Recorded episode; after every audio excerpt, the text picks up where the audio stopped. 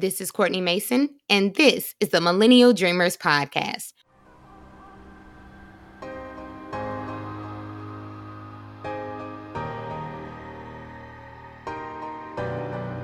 Hello, friends. Welcome back to the podcast. I hope all is well for you. All has been splendid on my end. So I appreciate you for thinking of me and for joining the podcast again this week for this week's episode. This one is quick and dirty, and we can just hop right into it. There is a misconception about what stops people from taking the proverbial leap right the the leap into their dreams or their goals or aspirations it's rarely a legitimate reason or actual reason that prevents one from doing the thing that they believe their heart's desire is to do. Oftentimes, we will convince ourselves that we're just not ready yet for a number of reasons. And so today, I want to give you five reasons why you should start now even if you've convinced yourself or told yourself that you're just not ready. The first thing, you will probably never get there. And when I say get there, I mean get to the place of being ready. Ready, quote unquote, is this arbitrary state of mind that rarely exists in the context of our aspirational pursuits the thing that's really holding us back is fear. And specifically, it's the fear of failure. Now, if you watched Family Matters growing up, you may remember this one episode where um, Steven Q. Urkel, who's the resident nerd of the show, he had to call out the father, which is Carl Winslow, about this very thing. Carl was up for a promotion at work, but he wouldn't go for it. His family was encouraging him to go for it and, and um, apply for the position, I believe. And he had the experience, the knowledge, and it would, of course, be a boost in his income, but he declined applying for the promotion or seeking it out. And he wouldn't explain what his reasoning was, why he wouldn't just apply for because I mean, it was essentially his if he, you know, wanted it. And Steve pointed out something to him. He said, You are suffering from FOF. And of course, he's like, What is FOF? And he's, he said, FOF is the fear of failure. And basically, Steve went through all the reasons of why Carl didn't need to worry. And he eventually applied for the promotion and he got it.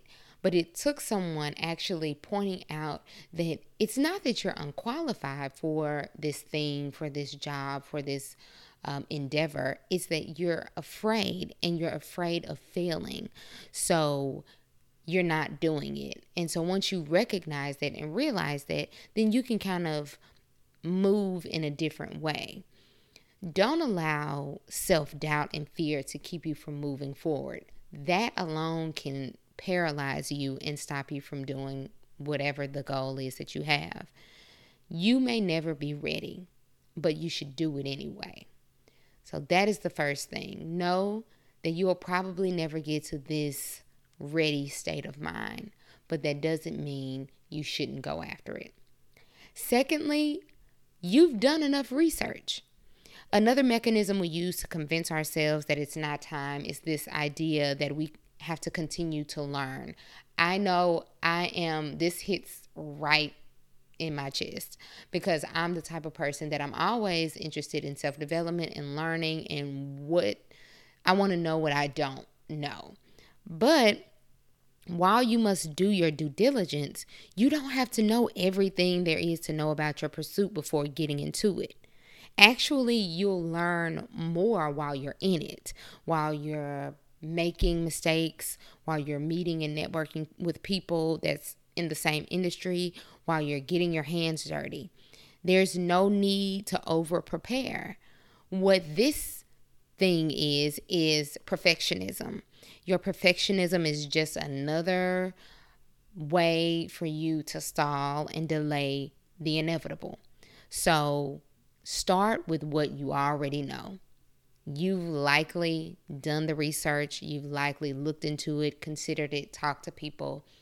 Take what you have, what you know now, and start putting your feet to the pavement. Like, start putting one foot in front of the other and getting things done. And then you'll understand what else you need to learn because sometimes you don't know what you need to learn until you start doing the thing. So that's the second thing. You've done enough research. The third thing is you have sufficient funds. It takes money to make money. Yes, that is very true. But it may not require as much money as you think to get started. You can listen to a number of entrepreneurs talk about how they took money out of their savings account or money that they saved up and put it into their pursuit or goal and that was sufficient for them to get you know to hit the ground running. Um, i'm not saying that it's going to take next to nothing but once you've done that research that we know you've likely done you have an idea of what it might cost just to get started. And so use that you know save up maybe cut back cut some corners here and there where you can and save up some money that will allow you to do the thing that you're trying to do. Uh, but more likely than not, you have sufficient funds right now to get started. The fourth thing, the work will be there whether you wait or not. This is very important because sometimes we'll say, well, I'm just going to wait, you know, I'm going to just do this later or you know I'll put a pin in it. Whether you start now or whether you start later, the work is unavoidable. You're going to have to do it. And the longer you procrastinate, you are really just prolonging the inevitable. So ask yourself if you're afraid of hard work. Like, is that the thing? What is the reason that you're procrastinating? Are you afraid of doing the work? Because if not, what are you waiting on exactly? It will take consistent work to get things done. But if consistent work and rolling up your sleeve does not turn you off, then get going. It's time to get a move on it. And the fifth and final thing is you have every reason to excel. Many of us have dreams of doing something that we're already qualified to do. Even if it's not in a field that you're currently working in, you likely have a strength that lets you know I will be great at this.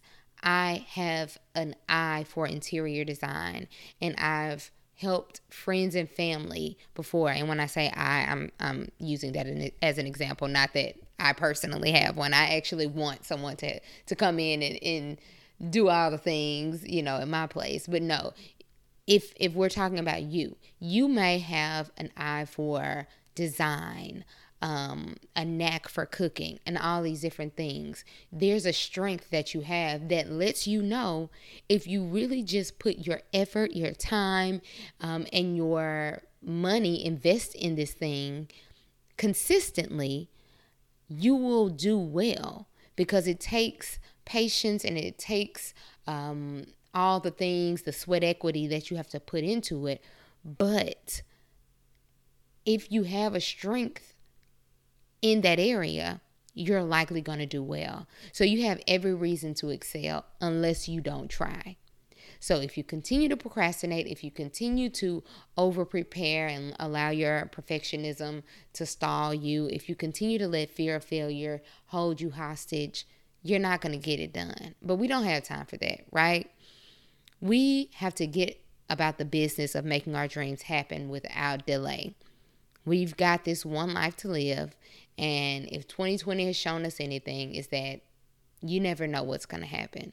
So while before you before you're ready, before you decide, you know what, I'm going to prepare and next year is going to be the year. No, this year. We still have plenty of time in this year to get it done. So I want to encourage you to just start. Start before you're ready. Start be- before you believe you can. And watch how things unfold for you. So, I told you that one is a quick and easy one. And if it helped you in any way, please share with a friend. I thank you so much for joining me each episode. And until next time, peace.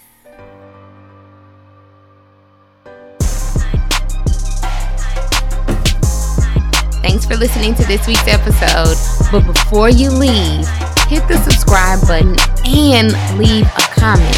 We want to know what you think about the episodes that you've heard so far. Let us know by subscribing and leaving a comment.